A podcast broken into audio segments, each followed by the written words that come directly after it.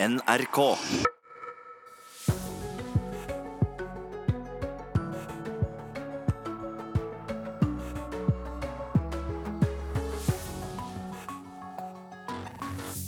leave Trump alone, forget the story. And then he leaned around and looked at my daughter and said, a, a beautiful little girl, it'd be a shame if something happened to her mom. And then he was gone.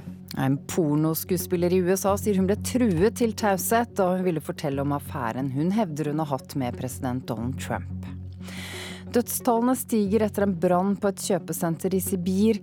Minst 37 mennesker har omkommet, og mange av dem som er savnet, er barn.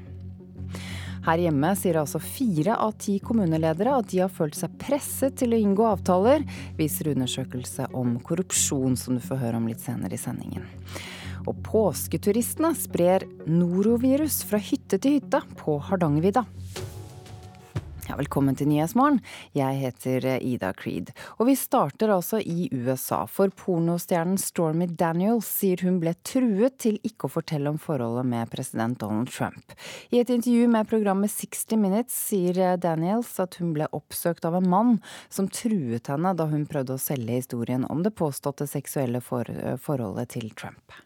I was in a parking lot going to a fitness class with my infant daughter, and a guy walked up on me and said to me, Leave Trump alone, forget the story. And then he leaned around and looked at my daughter and said, A, a beautiful little girl, it'd be a shame if something happened to her mom. And then he was gone. La Trump være i fred og glem historien, skal den ukjente mannen ha sagt til henne. Deretter skal han ha sett på dattera og sagt at det ville vært synd om noe skulle skje med mora hennes. Det forteller Stormy Daniels, eller Stephanie Clifford som hun egentlig heter, da hun i natt ble intervjua på 60 Minutes på TV-kanalen CBS. Her forteller hun at hun hadde sex med Donald Trump i 2006, og at hun ble truga da hun fem år senere prøvde å selge historien sin. Daniels sier at hun opplevde det som en direkte trussel. You took it as a direct threat. Absolutely. I was rattled. I remember going into the workout class and my hands were shaking so much I was afraid I was going to drop her. Did you go to the police? No, Why? because I was scared. I 2016 skrev Daniels under på ei avtale om at hun ikke skulle snakke om det påståtte forholdet til presidenten, og hun fikk utbetalt nærmere én million kroner fra advokaten hans Michael Cohen. Hun forteller at hun skrev under på avtalen fordi hun frykta for tryggheten til familien. They made it sound like I had no choice. I mean, no one was putting a gun to your head. Not physical violence, no. You thought that there would be some sort of legal repercussion if you didn't sign Correct. As a matter of fact, the exact sentence used was they can make your life hell in many different ways. They being I'm not exactly sure who they were. I believe it to be Michael Cohen. Nå prøver Daniels å komme seg ut av teieavtalen, ettersom Trump sjøl aldri skrev under på den. Men Cohen krever minst 154 millioner kroner av Daniels fordi han mener hun har brutt avtalen. Før intervjuet ble sendt på TV, var det knytt stor spenning til hva Daniels kom til å si. Advokaten hennes hevder på Twitter at de har bevis, og at dette bare er starten. Intervjuer Anderson Cooper spurte Daniels om hun satt på bilder eller meldinger som kunne bevise at hun har hatt et seksuelt forhold til Donald Trump. Men dette ønskte ikke hun å gi detaljer om, og sa at advokaten hennes hadde rådet henne til å ikke snakke om dette. Det hvite huset i Washington DC har nekta for alle påstander om et seksuelt forhold mellom Trump og Daniels. I natt kom presidenten tilbake fra Florida, men ville ikke svare på spørsmål fra journalistene. the president watches 60 Minutes. If he's watching tonight, what would you say to him? He knows I'm telling the truth. Reporter her var Marte Halsør. USA-korrespondent Anders Magnus så intervjuet på TV-kanalen CBS i natt norsk tid. Ja, hun heter jo egentlig Stephanie Clifford, og hun eh, framsto absolutt mer som Stephanie Clifford enn eh, pornostjernen Stormy Daniels. Hun fortalte en, eh, at hun hadde hatt eh, sex én gang med Donald Trump. Hun syntes ikke det var eh, spesielt eh, interessant og hadde egentlig ikke lyst, men eh, det, hun sa heller eh, at det var ikke noe overgrep. Og så fortalte hun litt eh, småmorsomme historier om at hun hadde slått han litt på rumpen med et magasin, litt spanking. Og så sa hun at det var sex uten kondom, eh, og at eh, han hadde skrytt av henne og sagt at eh, du minner meg om datteren min. Hva er det mest oppsiktsvekkende ved dette intervjuet som ble sendt i natt? Det mest oppsiktsvekkende ved det er jo at hun bekrefter at de hadde sex, noe som Donald Trump har benektet, eh, eh, og at hun sier dette offentlig på et relativt seriøst program som 60 Minutes, som gir henne kredibilitet. Men også at hun forteller at hun ble truet til å ikke si noe om dette offentlig av en mann som kom bort på en parkeringsplass da hun var i Las Vegas. Hun var sammen med datteren sin, og han så på datteren og sa dette er jo en nydelig liten jente. Det ville vært synd om noen hentet eh, moren hennes. Så hun oppfattet det som eh, rett og slett en trussel mot seg selv. Eh, og at hun ble truet på livet hvis hun skulle fortelle noe om, om Trump. For det, det, sa jo denne mannen også, at hun skulle la Trump være i fred. Så, så, det er jo det alvorlige i situasjonen, og det er også kanskje det som gjør at den avtalen som hun senere inngikk, ikke er gyldig lenger. Eh, selv om da Trump nå truer med store eh, pengesummer som eh, han krever av henne hvis hun fortsetter å fortelle om denne historien i offentligheten. Hvilke beviser har hun for at det hun forteller er sant? Hun la ikke fram noe bevis i eh, det intervjuet med Anderson Cooper i går kveld. Eh, men hun sa at eh, vi må jo bare tro henne på det hun sier. Det er litt vanskelig å gjøre siden hun har benektet at de hadde sex tre ganger tidligere skriftlig. Eh, men hun sier at dette var løgn, men nå snakker hun sant. Men eh, hun ble også spurt har du noen bilder eller tekstmeldinger som eh, kan fortelle noe om dette forholdet, og det ville hun ikke svare på. Så det er mange som nå lurer på om hun har noe i ermet som hun kanskje skal bruke senere. Det er klart at dette intervjuet som hun ikke fikk betalt for, det er, et, det er jo et intervju med en meget seriøs kanal og en seriøs journalist. Nå kan du kanskje bruke det som et springbrett til å fortelle historien sin til andre som vil betale. Så hvilke følger kan denne historien få for Donald Trump? Det mest alvorlige som eh, kom fram eh, i eh, dag, og som for så vidt har vært berørt tidligere også, det er jo at det kan være i strid med eh, reglene for eh, hvordan man bruker penger under en valgkamp, at eh, advokaten til Donald Trump har brukt 130 000 amerikanske dollar på å forsøke å få Stephanie Clifford til å holde kjeft. Det gjorde han rett før valget. Så, og det kan være at dette er penger som skulle vært meldt inn til myndighetene. og også penger som, eh, som er for, et for stort bidrag i, i en valgkampsituasjon. Hvis eh, dette nå er under etterforskning av eh, spesialforsker Mueller, så kan dette få store konsekvenser. Mer nok enn det rent moralske i denne historien. Ja, Det sa USA-korrespondent Anders Magnus.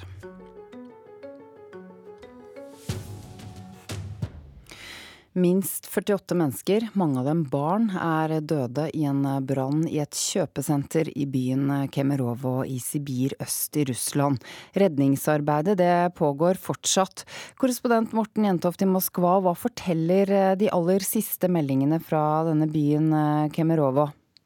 Ja, De forteller jo at uh, dette er en uh, forferdelig katastrofe. Det var da altså uh, barnefamilier som var på dette kjøpesenteret der det ligger også uh, tre kinosaler.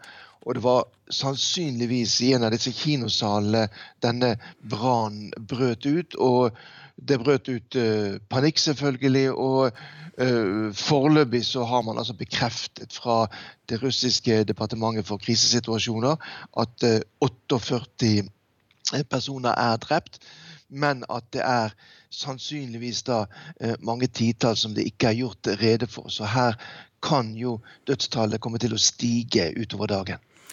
Hva forteller eh, de som har sett dette eller vært der? Det er jo eh, forferdelige øyenvitneskildringer som nå kommer ut på russiske medier. Brannen var nærmest eksplosiv, og mange fikk også da flytende plast over seg, og at det sannsynligvis er årsaken til at veldig mange har mistet livet. Vi har jo også sett bilder av folk som har forsøkt å kaste seg ut fra de øvre etasjene på dette, dette kjøpesenteret. Så det har vært en usedvanlig dramatisk og tragisk brann, dette som har skjedd i Kemerova. En eksplosiv brann, sier du, men vet man noe mer om årsaken, hva det kan være?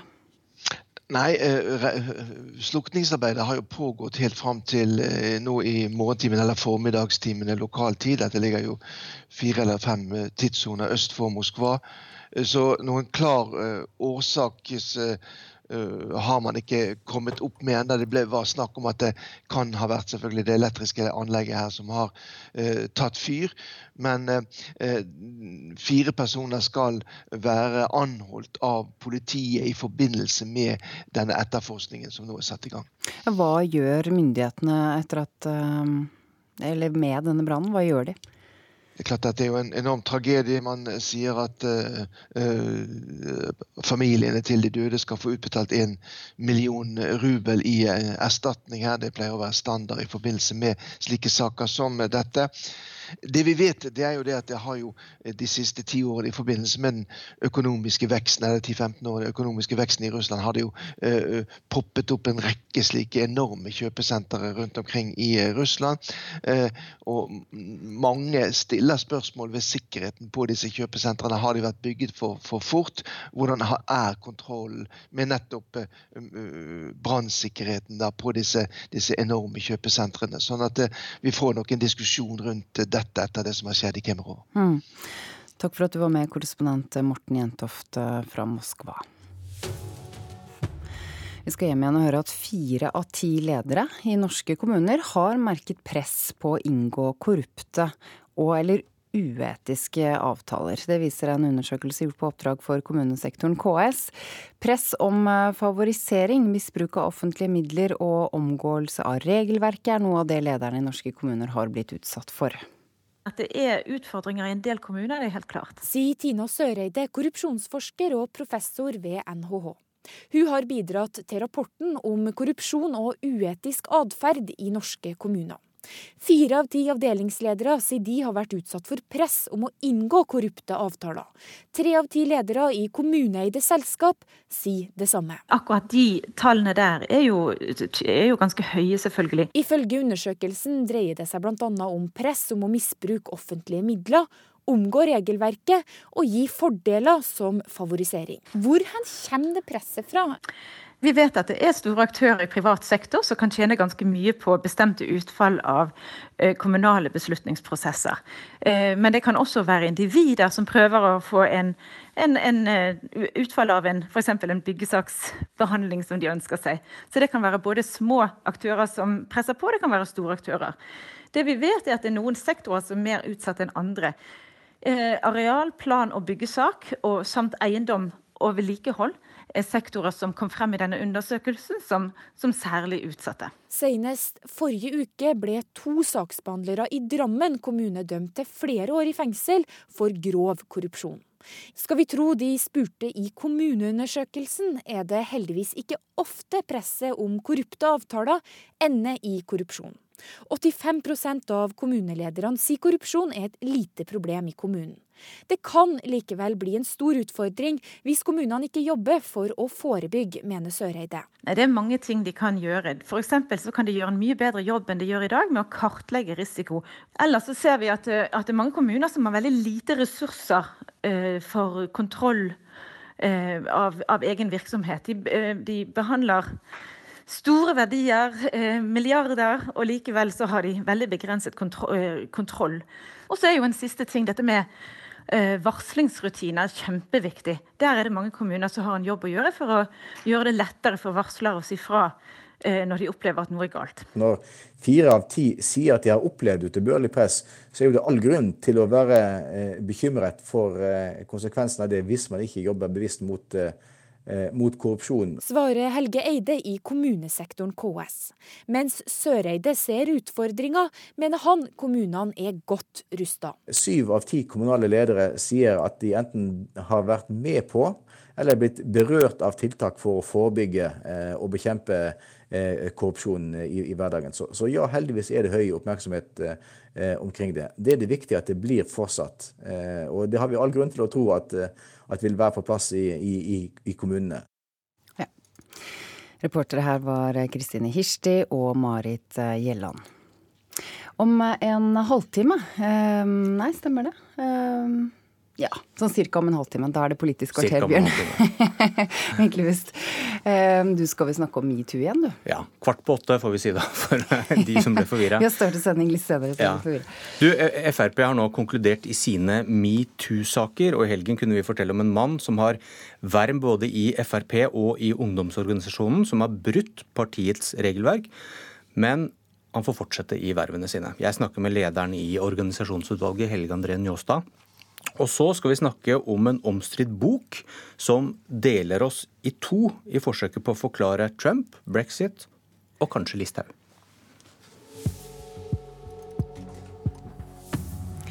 Klokken er 18 eh, minutter over sju. Du hører på Nyhetsmorgen. Dette er hovedsakene nå. En tidligere pornostjerne sier hun ble truet til ikke å fortelle om sex med Donald Trump. Mange ansatte i norske kommuner sier de har opplevd press om korrupsjon.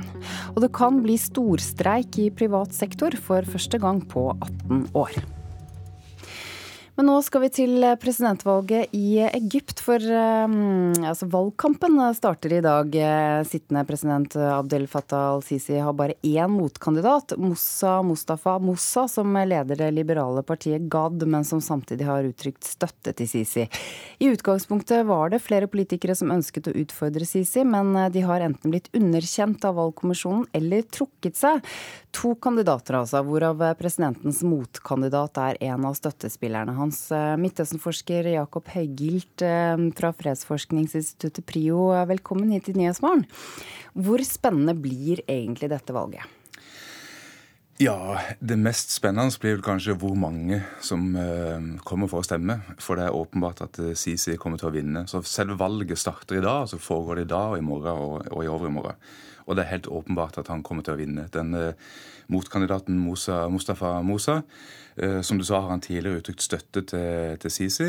Og han har ikke villet stille i debatt med Sisi, for det syns han ikke at det passer seg. Uh, så, så, dette er bare rent skuespill. Rent skuespill, ja. Tidligere i år gikk president Abdel Fattah al-Sisi ut og advarte opposisjonen både mot å boikotte valget og mot nye massemønstringer. Ja, eh, han har blitt mindre og mindre populær etter at han eh, fikk, eh, fikk makta som følge et kupp for, for, noen år siden. Og det har jo vært da kritisk dekning, eller var det i begynnelsen. Men i dag er det en, en undertrykking i Egypt som man ikke har sett maken til siden iallfall Nasser tok makta på 50-tallet. Sånn at enormt mange journalister har blitt fengsla. Alle typer kritikere har blitt fengsla. Til og med en, en popstjerne ble eh, dømt til fengsel nylig fordi hun hadde sagt at vannet i Nilen var skittent. Og det var da en hån mot nasjonen. Og så ble hun satt i fengsel. Så det er sånne ganske absurde tilstander for tida som er nesten uh, utrolige. Uh, så det er, dette, det er denne atmosfæren valget da foregår. Hvordan har det blitt sånn? Militæret har hatt makta i Egypt, for å si det litt enkelt, siden 50-tallet. Ehm, og etter revolusjonen så ble de satt på Så kom de inn forsvarsposisjoner. Eh, så fikk de muligheten til å komme tilbake fordi muslimbrødrene gjorde seg upopulære. For å si dette veldig enkelt. Nå har de tatt makta igjen og brukt den eh, tida siden 2013, siden kuppet, da, til å konsolidere makta fullstendig. Og de har ikke tenkt å gi han fra seg. Og Derfor ser du nå at de styrer med utrolig hard hånd og gir glassklare signaler på at ingen eh, opposisjon blir tolerert, for de vil holde på makta. Så er det sånn at både politikere og aktivister har oppfordret velgerne til å boikotte presidentvalget med aksjonen Bli hjemme. Eh, kan det hjelpe? Det kan nok ikke hjelpe så mye, for at her, her, er det nok mest rå makt som gjelder. Men dette er jo den eneste protestmuligheten eller muligheten for å vise misnøye man nå har. For det er jo ingen andre å stemme på. Så det man kan gjøre, er å stemme og la være å gå og stemme. da. Eh, allerede ved forrige valg så, så var det få som, som, gikk ut og stemte på Sisi. Så eh, hvis det er veldig veldig få, så vil, så vil det være flaut for regimet og for det internasjonale samfunnet, fordi det viser at eh, folk har ingen tro på dette liksom-demokratiet. Ja, har man noen andre verktøy man kan bruke i en sånn situasjon? Det finnes jo noen som bruker andre verktøy, for så vidt. Det er jo nærmest borgerkrigslignende tilstander på Sinai-halvøya nå, hvor eh, islamister eh, slåss mot regimet. Eh, men, men både Muslimbrødrene, altså den islamistiske massebevegelsen, og, og, andre har jo valgt å, å ikke bruke vold. Altså, så, så, da er det ikke så mye annet som gjenstår, nei. Det er ikke det. Vi får se hvordan det går. I dag starter også selve presidentvalget i Egypt. Takk for at du kom, Midtøsten-forsker Jakob Høygilt. Om litt over en uke møtes partene i privat sektor hos Riksmekleren etter at det ble brudd i forhandlingene mellom LO og NHO. Oppgjøret er komplisert og kan ende med en storstreik for første gang på 18 år. Leder i Fellesforbundet Jørn Eggum er villig til å streike for kravet om regler for kost og losji. Vi har eh, sagt at dette er krav som skal gjennomføres, og da er vi selvsagt I år? I år, ja. Da er vi selvsagt eh, klar for å sette makt bak de kravene hvis det er nødvendig. Det sa Eggum da bruddet var et faktum torsdag. Fellesforbundet er det største i privat sektor, med 140 000 medlemmer bl.a. i industri, byggebransje og hotell og restaurant. Kravet er at arbeidsgiver skal betale merutgifter til reise, kost og losji for alle ansatte som sendes bort på en jobb. Forbundet mener mange etablerer såkalte postkasseselskap på anleggsstedet for å unngå disse utgiftene. Nå har det gått så lang tid hvor folk har fjusket, så gjør det at flere og flere av de normale bedriftene rundt omkring i landet de forsvinner. Fordi at det blir sånne postkasseselskaper hvor de fyller det med utenlandske arbeidstakere og norske som går uten kostnadsdekning på disse spørsmålene. NHO på sin side vil unngå regler som begrenser muligheten til å etablere bedrifter og skape nye arbeidsplasser. Det er i utgangspunktet bare Fellesforbundet som kan gå til streik på akkurat denne saken. Partene møtes til mekling 4. april. Nå går vi inn i en mekling også med det for øye å kunne finne en, eh, en, løsning, og ikke minst kunne få fram et anbefalt forslag for eh, medlemmene. Sa LO-leder Hans Christian Gabrielsen til NRK etter bruddet. NHO-leder Kristin Skogen Lund viste til ambisjonen om å unngå konflikt. Å si om ikke vi kan klare å få i hvert fall såpass mye på plass i dette oppgjøret at vi er begge komfortable med at vi er på vei mot en god løsning, og at begge kan leve med det, det tror jeg må være en, eller det tror jeg er en felles ambisjon. Partene står foran en krevende innspurt, sier forsker Kristine Nergård ved forskningsstiftelsen Fafo. Og I år så skal vi jo ha to meklinger, det er uvanlig. Det skal være én mekling eh, mellom Fellesforbundet og Norsk Industri om det som gjelder reise, kost og losji. Og så skal det være en mekling mellom LO og NHO på hovedoppgjøret. Og Der er pensjon en viktig sak, og det er jo alltid en vanskelig sak i et lønnsoppgjør. Så vanskelig at det kan ende med streik? Det vil alltid være reell fare for en streik i et hovedoppgjør. og Kanskje særlig når man da har mer prinsipielle saker på dagsordenen, sånn som man har nå. Men samtidig så har jo partene også lang eh, erfaring med forhandlinger. Og i de fleste tilfeller så klarer man jo å komme fram til en enighet. Reportere Katrin Hellesnes og Åse Marit Befring. Mange frivillige står på og jobber dugnad hele påsken for at eh, ferierende nordmenn skal få en fin påskeferie. Flere steder kjøres det milevis med skiløyper, ikke bare på fjellet, men også i de bynære områdene. I Lier i Buskerud er det en liten gjeng som setter av flere timer hver uke hele vinteren på å preparere løyper, og det gjør de også hele påsken. Han vrir om nøkkelen i den store doningen. Nå skal Arve Markussen ut og preparere løyper i den nordlige delen av Finnemarka. Denne gangen er det nemlig hans tur til å ta turen innover i skogen fra Røyne opp til Breili. Og vi får være med. Dette er noe han og to kamerater gjør på dugnad. Hver helg hele vinteren, i tillegg til noen kvelder i uka også. Så det blir mange turer. Ja, det blir jo det, da. I løpet av vinteren så, så, kjører vi ganske ofte. Vi er jo tre stykker, og vi kjører jo da stort sett tredje hver uke, da. Det blir noen timer da. Og det gjør du ved siden av din vanlige jobb? Ja, det gjør jeg. Det er jo utenom den jobben jeg har. og hva, hva, er det liksom som driver deg? Hvorfor gjør det? Du står opp tidlig lørdag morgen, søndag morgen. Eh, du er ute på kvelder. Hva, hva, er det som driver dere? Det er jo gleden av å lage gode skiløyper. At folk får oppleve ikke minst det fine naturen vi har innover. Og det å lage skiløyper, at folk kommer seg ut. Og så er vi jo glad til å gå på ski sjøl, da. Så det er jo det som driver, ja, som driver meg, da. Disse tre entusiastene som deler på denne dugnadsjobben, har laget en vaktplan for hele påskeuken. Å reise bort i påskeuken, det går ikke. Vi kan ikke det, vet du. Da må vi kjøre løype her. Så da må vi være hjemme, vet du. Så da deler vi opp da, eh, påska. Eh, vi er jo tre stykker som kjører, og vi deler opp da mellom oss. Sånn at vi kan, eh, at vi kan levere kjempefine løyper hele, hele påska. Hva sier familien din da? De er jo vant til det, vet du. Og de, de er vel kanskje litt stolt over det. De, jeg tror det. Så de er, vi har hatt det sånn i ganske mange år, da. Får dere noen tilbakemeldinger? Vi har jo en Facebook-side som folk skriver inn på. Det er masse smil og, og hyggelige tilbakemeldinger. Og det er klart, det, det er jo kjempeartig da, å bli sett, sett så pris på på den frivillighetsjobben som vi gjør.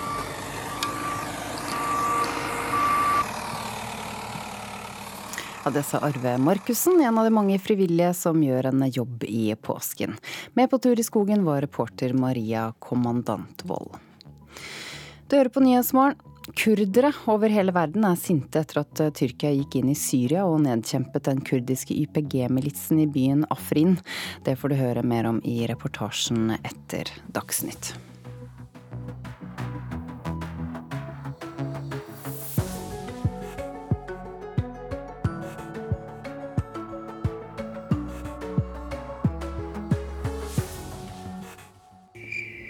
To hvite menn.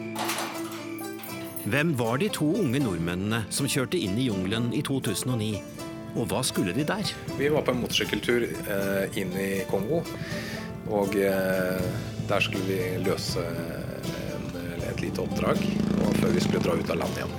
Var de agenter, leiesoldater eller to villfarne eventyrlystne? Vi var ikke på guttetur, vi var på et eh, reelt arbeidsoppdrag. Hør To hvite menn hver formiddag klokka ni hele påsken i NRK P2.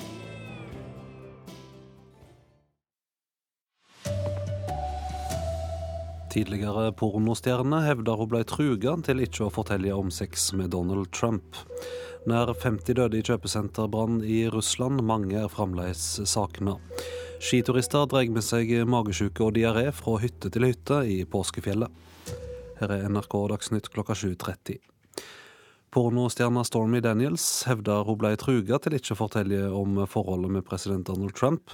I et intervju forteller Daniels at hun ble oppsøkt av en mann som truga henne da hun prøvde å selge historier om det påståtte seksuelle forholdet.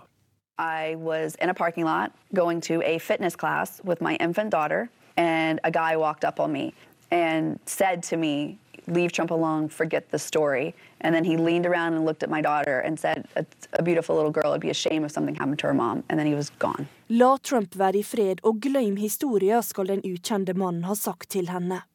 Deretter skal han ha sett på dattera og sagt at det ville vært synd om noe skulle skje med mora hennes. Det forteller Stormy Daniels, eller Stephanie Clifford som hun egentlig heter, da hun i natt ble intervjua på 60 Minutes på TV-kanalen CBS. Her forteller hun at hun hadde sex med Donald Trump i 2006, og at hun ble truga da hun fem år senere prøvde å selge historien sin. You took it as a direct threat? Absolutely. Did you go to the police? No. Why? Because I was scared. I 2016 skrev Daniels under på ei avtale om at hun ikke skulle snakke om det påståtte forholdet til presidenten, og hun fikk utbetalt nærmere én million kroner fra advokaten hans Michael Cohen. Hun forteller at hun skrev under på avtalen fordi hun frykta for tryggleiken til familien. Det hvite huset i Washington DC har nekta for alle påstander om et seksuelt forhold mellom Trump og Daniels. I natt kom presidenten tilbake fra Florida, men ville ikke svare på spørsmål fra journalistene. Reporter Marte Halsør. USA-korrespondent Anders Magnus sier saka kan få juridiske konsekvenser. Jeg tror ikke det får noen store konsekvenser at han har hatt sex med en pornostjerne, for det tror jeg kanskje man forventer av Trump i, i USA. Det kan få juridiske konsekvenser hvis det viser seg at disse pengene som han har betalt rett før eh, valget, var i strid med regler for hvordan man bruker eh, penger under en valgkampsituasjon. Det, det, er uh, rykter nå om at uh, dette er et forhold som er under etterforskning av spesialetterforsker Robert Mueller. Hvis uh, han kommer fram til at dette er ulovlig, så kan det få konsekvenser. Mange husker jo forsøker på å prøve å få avsett president Bill Clinton i sin tid for ei sexskandale. Kan disse to sakene sammenlignes? Jeg tror nok ikke eh, at Trump vil bli eh, stilt for riksrett pga. denne sexskandalen, eventuelle sexskandalen. Han benekter det jo selv. Eh, så, sånn sett så kan det ikke sammenlignes, men hvis det får et juridisk etterspill, så kan det være alvorlig. Og, men det vil sannsynligvis ikke bli veldig alvorlig hvis ikke demokratene klarer å vinne flertallet i Kongressen under valget i november. Minst 48 mennesker, av de mange barn, eh, er døde etter en brann i et kjøpesenter i Sibir i Russland, og flere barn er fremdeles savna. Redningsarbeidet pågår fremdeles, og Moskva-korrespondent Morten Jentoft, hva er siste nytt? Siste nytt er at uh, tallet på døde, bekreftede døde er oppjustert til 51, ifølge nyhetsbyrået Interfax. I tillegg så er fremdeles minst ti uh, mennesker savnet, sånn at uh, dødstallet kan komme til å stige. Redningsarbeidet har vært vanskelig. Brannen brøt ut i fjerde etasje i noen kinosaler. Det har vært vanskelig å komme til. Det er enorm varmeutvikling. Så først nå i morgentimene har, morgentimene har brannvesenet i Kemerov har klart å slukke denne brannen. Øyevitner forteller om svært dramatiske scener. Ja, det har vært veldig dramatiske scener fordi at man klarte ikke å komme seg ut av disse kinosalene. Og eh, det rant ned brennende plastikk fra taket. Eh, så eh, det har vært panikk. Vi har også sett bilder av folk som har forsøkt å kaste seg ut fra fjerde etasje i dette kjøpesenteret. Hva vet vi nå om årsaker? Nei, Vi vet ikke mye her. Det har vært snakk om at det kan selvfølgelig ha vært det elektriske anlegget her. Det er satt i gang full etterforskning. Fire personer skal være anholdt da i forbindelse med etterforskningen også. I tillegg så har russiske myndigheter lovet én million rubler, eller eh, vel 130 000 norske kroner, da, til eh, familiene til de etterlatte. Takk skal du ha, Moskva-korrespondent eh, Morten Jentoft. Fire av ti leirer i norske kommuner har merket press på å inngå korrupte og uetiske avtaler. Det syner en undersøking gjort for kommunesektoren KS. Press om favorisering, misbruk av offentlige penger og omgåing av regelverket er noe av det leierne i kommunen har opplevd, sier korrupsjonsforsker og professor Tina Søreide. At det er utfordringer i en del kommuner, det er helt klart. Fire av ti avdelingsledere sier de har vært utsatt for press om å inngå korrupte avtaler. Tre av ti ledere i kommuneeide selskap sier det samme. Akkurat de tallene der er jo ganske høye, selvfølgelig. Ifølge undersøkelsen dreier det seg bl.a. om press om å misbruke offentlige midler omgå regelverket og gi fordeler som favorisering. Areal, plan og byggesak, og samt eiendom og vedlikehold sektorer som kom frem i denne undersøkelsen som, som særlig utsatte. Senest forrige uke ble to saksbehandlere i Drammen kommune dømt til flere år i fengsel for grov korrupsjon. Skal vi tro de spurte i kommuneundersøkelsen, er det heldigvis ikke ofte presset om korrupte avtaler ender i korrupsjon. Det kan likevel bli en stor utfordring hvis kommunene ikke jobber for å forebygge, mener Søreide. F.eks. så kan de gjøre en mye bedre jobb enn de gjør i dag med å kartlegge risiko. De behandler milliarder, og likevel så har de veldig begrenset kontroll. Når fire av ti sier at de har opplevd utilbørlig press, så er jo det all grunn til å være eh, bekymret. Svarer Helge Eide i kommunesektoren KS. Mens Søreide ser utfordringa, mener han kommunene er godt rusta. Syv av ti kommunale ledere sier at de enten har vært med på eller blitt berørt av tiltak for å forebygge eh, og bekjempe korrupsjon i, i hverdagen. Så, så, ja, heldigvis er det høy oppmerksomhet eh, omkring det. Reportere Marit Gjelland og Kristine Hirsti. Om litt over ei uke møter partene i privat sektor hjå Riksmekleren etter at det ble brudd i forhandlingene mellom LO og NHO. Oppgjøret er komplisert, og det kan ende med storstreik for første gang på 18 år. Leder i Fellesforbundet Jørn Eggum er villig til å streike for krav om regler for kost og losji.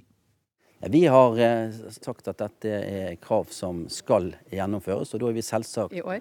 I år, ja. Da er vi selvsagt eh, klar for å sette makt bak de kravene hvis det er nødvendig. Det sa Eggum da bruddet var et faktum. Fellesforbundet er det største i privat sektor, med 140 000 medlemmer bl.a. i industri, byggebransje og hotell og restaurant. Kravet er at arbeidsgiver skal betale merutgifter til reise, kost og losji for alle ansatte som sendes bort på en jobb. Det er i utgangspunktet bare Fellesforbundet som kan streike for akkurat dette kravet. Det er krav som eh, er godt kjente, og de er godt etablert og forankret i Fellesforbundet. Og de løses i år. Men også pensjon og AFP er prinsipielle saker som gjør hovedoppgjøret mer komplisert enn vanlig. Det vil alltid være reell fare for en streik i et hovedoppgjør. Sier forsker Kristine Nergård ved forskningsstiftelsen Fafo. Og Kanskje særlig når man da har mer prinsipielle saker på dagsordenen, sånn som man har nå. Samtidig understreker hun at de fleste oppgjør ender med enighet. Men det er klart det er vanskeligere å finne en løsning hvis det dreier seg om prinsipper og ikke bare om litt penger. Reportere Katrin Hellesnes og Åse-Marit Befring. I løpet av eh, ett døgn er 30 personer med mageproblem henta ut fra påskefjellet. Det har brutt ut eh, norovirus på seks hytter spredd over hele Hardangervidda. Einar Ananiassen i Hordaland Røde Kors eh, sier det er skumle saker. Hvis eh, noen beveger seg fra hytte til hytte, så kan det godt hende at de ikke kjenner på at de, at de er syke, men de kan likevel være smittet. Så dette er skummelt. For det tar nemlig fra 12 til 48 timer fra du er smittet til du blir syk, og symptomene varer gjerne i ett til tre døgn. Vi oppfordrer jo alle til å ha veldig fokus på håndhygiene nå. Ikke tenk at håndhygienen tar påskeferie. Det finnes ingen behandling mot noroviruset, og det er svært motstandsdyktig mot frysing, oppvarming, rengjøring med klor og alkohol samt vanlige rengjøringsmidler. DNT oppfordrer likevel folk til ikke å bli hjemme, forteller kommunikasjonsrådgiver Mari Stefansen. Jeg vil bare oppfordre alle til å for all del ikke avlyse noen påskeplaner. Ha med deg antibac i sekken som en slags tiende fjellvettregel. Ta med deg antibac. Eh, og pass på hygienen godt, eh, og hjertelig velkommen til våre hytter. Reporterinnslaget var eh, Tor Albert Frøsland. Ansvarlig for Dagsnytt-sendinga Haldor Asvald, i studio Vidar Eidhammer.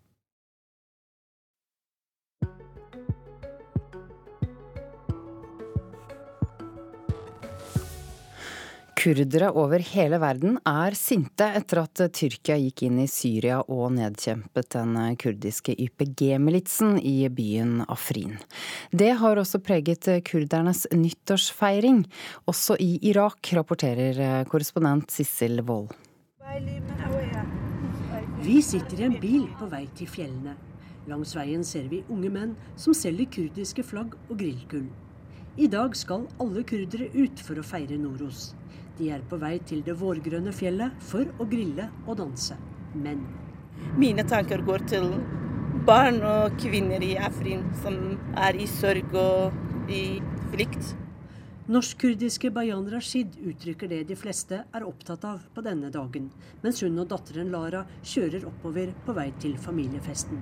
For de fleste av oss handler Noros egentlig om det gjør. At våre tanker skal gå til Afrin, at vi skal være solidaritet med dem og folket i Afrin. Noros er en eldgammel tradisjon fra oldtidens persiske soriaster-religion, religionen i Iran før islam. Noros, som faller sammen med vårjevndøgn, feires først og fremst i Iran og Afghanistan og blant kurdere verden over. Men årets Noros faller sammen med Afrins fall. For to måneder siden angrep den tyrkiske hæren den syrisk-kurdiske YPG-militsen i Afrin-enklaven. Minst 150 000 mennesker, de fleste kurdere, har flyktet. Mange har mistet livet i kampene mellom den tyrkiske hæren og tyrkernes allierte, den syriske opprørsgruppen, FSA, og YPG-militsen.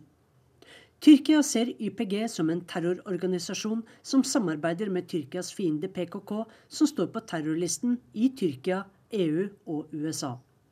Mens Nato-landet Tyrkia bekjemper YPG-soldatene, har Nato-landet USA valgt kurdiske YPG som sin allierte i kampen mot IS. Tyrkias mål med angrepet mot Afrin er å skaffe seg kontroll over deler av kurdisk Nord-Syria av sikkerhetshensyn, ifølge regjeringen. Det er sterk støtte for krigen i Tyrkia, og myndighetene forsikrer folk om at hæren har gjort alt for å unngå sivile tap. Men fra kurdisk Nord-Irak ser man annerledes på dette.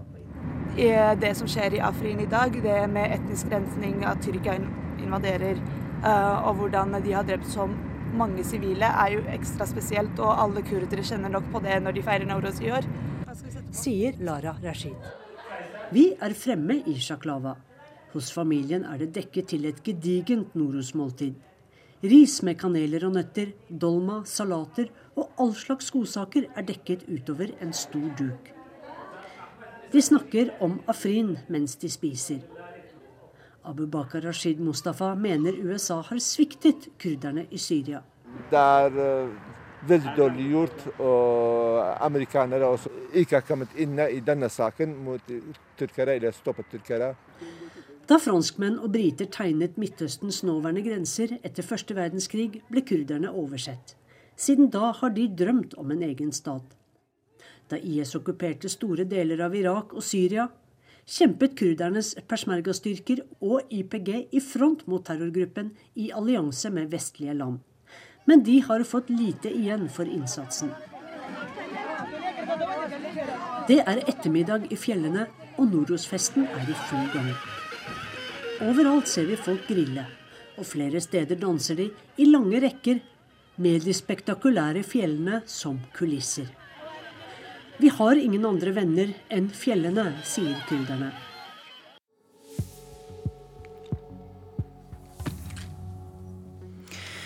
Bjørn Myklebust er programleder i Politisk kvarter nå straks.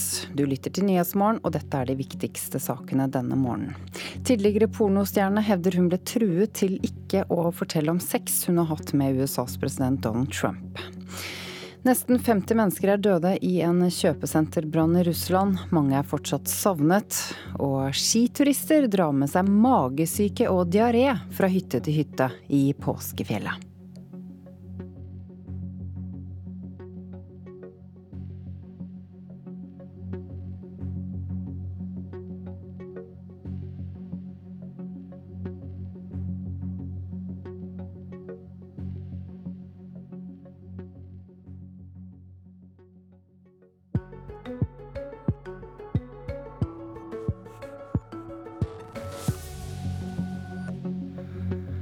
Mann i Fremskrittspartiet har brutt reglene mot seksuell trakassering, slår partiet fast, men han får fortsette i viktige posisjoner. Og er du en somewhere eller en anywhere? Listhaug, Acer og Trump kan vi forstå verden bedre ved å dele den i to. De lærde strides i Politisk kvarter. Vi begynner med konklusjonen i en mye omtalt metoo-sak i Fremskrittspartiet. En mann med viktige verv i Frp og i Fremskrittspartiets Ungdom har vært anklaget for seksuell trakassering. Helge André Njåstad, leder for organisasjonsutvalget som behandler denne type saker i Frp. Da saken ble kjent i offentligheten etter jul, sa du at du ville ikke ville snakke om innholdet i varslene før saken var ferdigbehandlet. Nå er den ferdigbehandlet. Hva er det denne mannen har gjort? Nei, eh, det er jo som du sier at, eh, at det er sak i kjølvannet av metoo. Men eh, det er mulig at jeg har sagt at jeg ikke vil snakke om det før saken er ferdigbehandla. Men jeg vil fremdeles ikke gå inn i detaljene i saken av hensyn til både de som har varsla og personen det varsler om. Så er det viktig for oss at vi behandler sakene med konfidensialitet, sånn at ikke de som varsler risikerer å bli møtt med at historiene deres blir kjent i media, eller at denne personen som det gjelder skal bli risikerer at eh, hans historie blir kjent i media. Så jeg bidrar ikke til, til, å gjøre kjent ting som ikke er kjent, med å fortelle deg okay. ting som ikke du vet. Ok, Så du mente ikke det du sa. Da får jeg opplyse om at mannen har spurt en 14 år gammel jente om hun ville ha sex. En annen jente sier mannen har befølt henne første gang da hun var 13 år. En jente som var 16 år har hevdet at mannen forsøkte å kysse henne og en venninne mot deres vilje, og han sa at man ikke blir noe i partiet hvis man ikke ligger med folk på toppen. Det skal til sammen være minst fire varsler med enkelte svært alvorlige anklager, og de strekker seg over flere år. Og så har dere konkludert med hva? Ja, Nå tar ikke jeg sånn for god fisk alt som du sier at det er faktum. Eh, saken er langt mer komplisert enn at man bare tegner et sånt bilde som du gjør. Eh, så, så, jeg går ikke inn i det. Eh, men vår konklusjon er at, at, dette har vært en alvorlig sak. Eh, det har vært eh, episoder som ligger tilbake i tid, eh, som er av en sånn karakter at vi ikke syns at det er greit. Og det har gitt en, en kraftig advarsel til vårt medlem. Eh, og sagt at dette ikke er greit. Eh, men så eh, er det som sagt ting som ligger tilbake i tid. Man har òg tidligere hatt en dialog som har munnet ut i at man har fått beskjed om at man må endre atferd, og det er blitt gjort. Hvis man leser uttalelser fra denne personen i, media senest i dag, så sier han jo at han har beklaga og, lagt seg på en ny kurs, og at dette, eh, denne oppførselen hører fortida til, og at han nå retter blikket framover og har en, en, annen, en annen, oppførsel eh, framover. Det sier vel alle som blir tatt med buksa nede? Eh, Hvorfor tror du på han? Eh, ja, men nå legger du til grunn at, at vi ikke ser, ser alvorlig på, på, disse forholdene. Men, men, du, du, sier det, du, sier det, at du ser alvorlig på det, men likevel så får han da fortsette i viktige verv i partiet og i ungdomsorganisasjonen. Hvordan forklarer du det?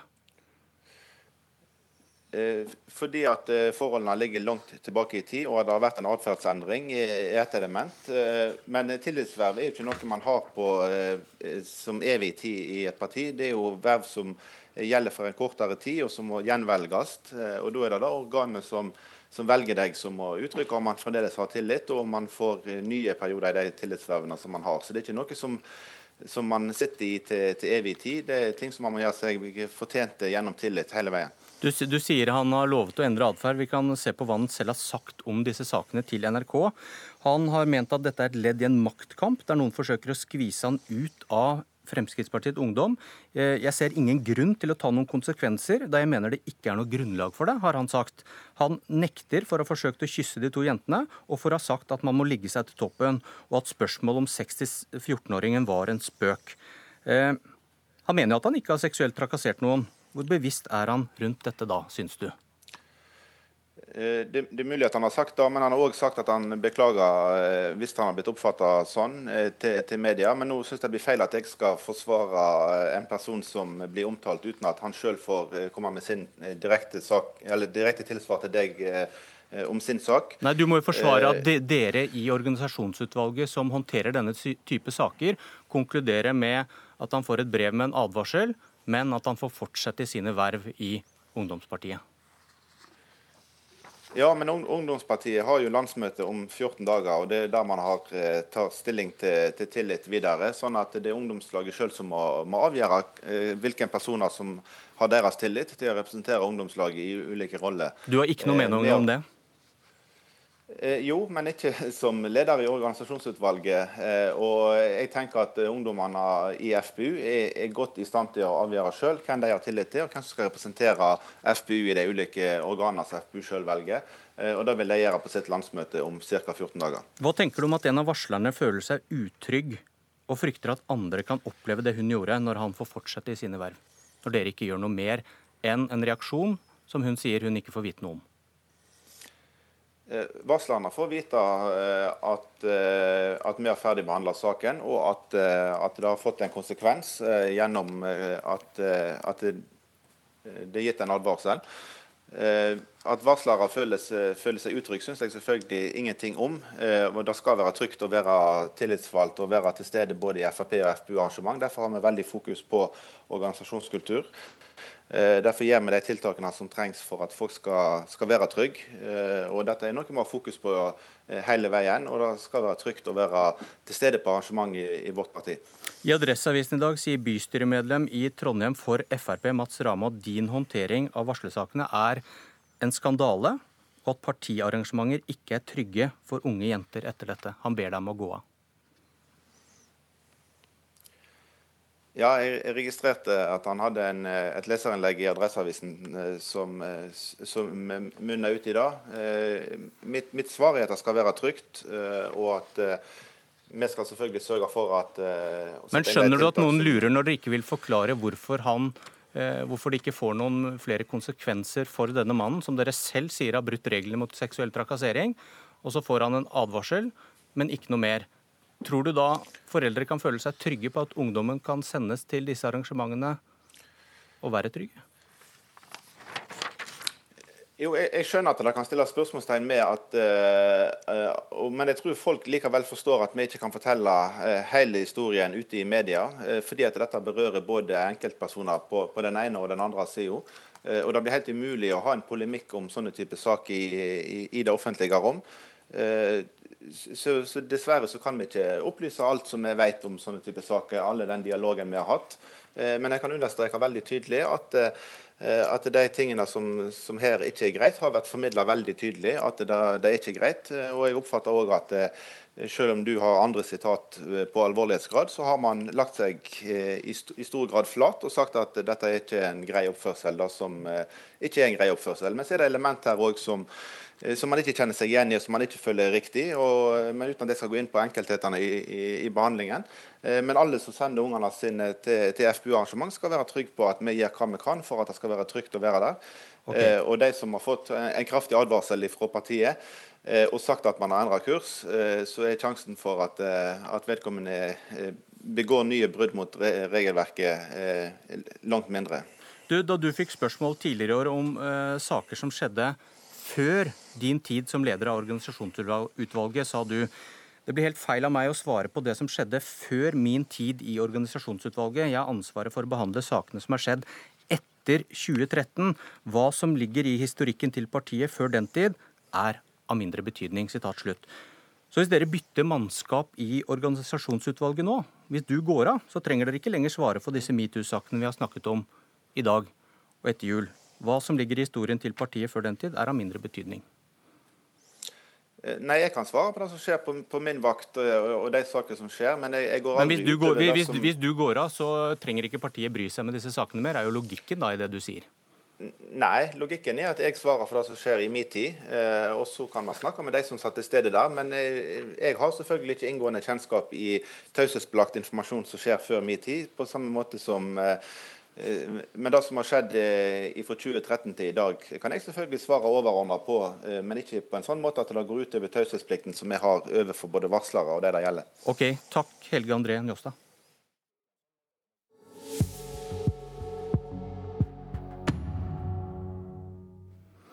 Så skal vi hjelpe deg til å finne ut om du er en somewhere eller en anywhere. Hvis du har lest Aftenposten i det siste, har du kanskje tenkt deg fram til hva som passer. For i jakten på å forklare hva vi krangler så høylytt om, har den britiske forfatteren David Goodhart kommet med denne inndelingen. Anywheres er eliten, de urbane og liberale, de rotløse. Somewheres er de som er opptatt av hvor de bor og hvor de kommer fra. De er opptatt av tradisjonelle verdier og skeptisk til konsekvensene av innvandring. Anywheres har makten, og de ser ned på Somewheres, som reagerer med populisme og nasjonalisme. Et sammendrag av en bok på fem linjer. Og Ketil Raknes, du er doktorgradsstipendiat på Høgskolen Kristiania. Hvem er du? Hva er du? Ja, jeg er vel en, eh, en, eh, en, en somewhere med klare anywhere-trekk. Altså, jeg går jo stadig vekk på brannkamper selv om jeg bor eh, i Oslo. Men for å si det veldig enkelt, så er det klart at Goodart sin bok er fascinerende. Eh, den sier oss nok mye om utviklingen i Storbritannia og i USA. Men som analyseredskap til å si noe fornuftig om den politiske utviklingen i Norge, har den nok begrenset eh, verdi. Hvorfor det? Hvis du sa, Hans hovedutgangspunkt er diskusjonen om brexit og hvordan den har splittet den britiske eh, befolkningen. og det der Disse kategoriene anywheres og somewheres handler om de som enten vil at Storbritannia skal forbli i EU, eller om de skal trekke seg ut av EU. Hvis vi tar det over til Norge, så blir jo da de store eh, somewhere-partiene i Norge blir jo SV, Senterpartiet, KrF, eh, Venstre, som var jo og, eh, som var nei-partiene da, eh, i 1994. Mens da de store anywhere-partiene vil jo da f.eks. da bli Frp, Høyre, eh, Ap. Eh, og alle som vet litt om norsk politikk, vet jo at ting er nok atskillig mer sammensatt enn som så. Så det viser nok litt det at eh, den todelingen kan fungere i topartisystemer som USA og Storbritannia, mens i Norge så fungerer det nok neppe på samme måten. Elin Ørjasæter, redaktør i Arbeidsnytt og kollega og lektor på Høgskolen i Kristiania. Eh, hva er du? Jeg eh, definerer meg vel som en anywhere, men med sterke sympatier for somewheres. Fordi de er de som har minst makt. Hvor, hvorfor er du enig med din kollega Raknes i at dette ikke er så brukbart i Norge? Du, eh, Sånn som disse teoriene var eh, referert i Aftenposten, så syns jeg det treffer den norske debatten og den norske virkeligheten veldig godt. Vi har jo tidligere teorier om eh, sentrum-periferi, og så har vi en høyre-venstre-akse. Men jeg syns denne, denne inndelingen gir mer i den situasjonen vi er akkurat nå. Og Raknes nevnte brexit og EU, men i Norge har vi jo EØS, eh, e som er en veldig aktuell problemstilling f.eks. For i forbindelse med innvandring, og som treffer denne, eh, denne situasjonen vi er Altså, hans teorier treffer jo veldig bra akkurat nå, syns jeg. Hvor, hvorfor trenger vi en slik eh, analyse og slike verktøy, Røsæter? Jo, fordi Anyways er de som ruler i presse, i akademia. De som eh, også hele tiden demonstrerer en slags egenopplevd moralsk overlegenhet overfor Somewheres. Og nettopp da er det viktig å vise fram Somewheres som eh, den største gruppa. Og heldigvis i Norge så har vi, og det var jo Raknes inne på, vi har jo partier hvor denne Anywhere, Somewhere-tankene eh, det går litt på kryss og tvers i den norske partistrukturen. Og det er også en veldig styrke i Norge. Vi eh. har Somewheres både i Senterpartiet og i Fremskrittspartiet. Raknes, eh, hvorfor er dette en teori som mange på høyresiden trykker til sitt bryst? Fordi at den nok bekrefter eh, et virkelighetsbilde som, hvor man kan dele verden i de som har skjønt det, og de som ikke helt har skjønt det. Eh, du må huske på at Goodhart har et litt spesielt utgangspunkt. Han var jo i utgangspunktet en liberaler, sto på venstresiden, og så leste han en del ting og fikk tenkt seg litt om, og nå er han jo mer konservativt eh, orientert. Og det er klart, eh, de som er over, På samme måte som folk som går fra høyresiden til venstresiden er veldig populære på venstresiden, så er folk som går fra venstre til høyre veldig populære på høyresiden. Ti sekunder til slutt, Røsæter. Ja, Det er jo ikke et spesielt utgangspunkt eh, som Gudard tar det er. Det er faktisk et mer og mer alminnelig utgangspunkt. Det er at man går fra venstre til høyresiden fordi verden forandrer seg. Og når verden forandrer okay. seg, når vi ser ulempen av globaliseringen, da er det også fornuftig å endre standpunkt.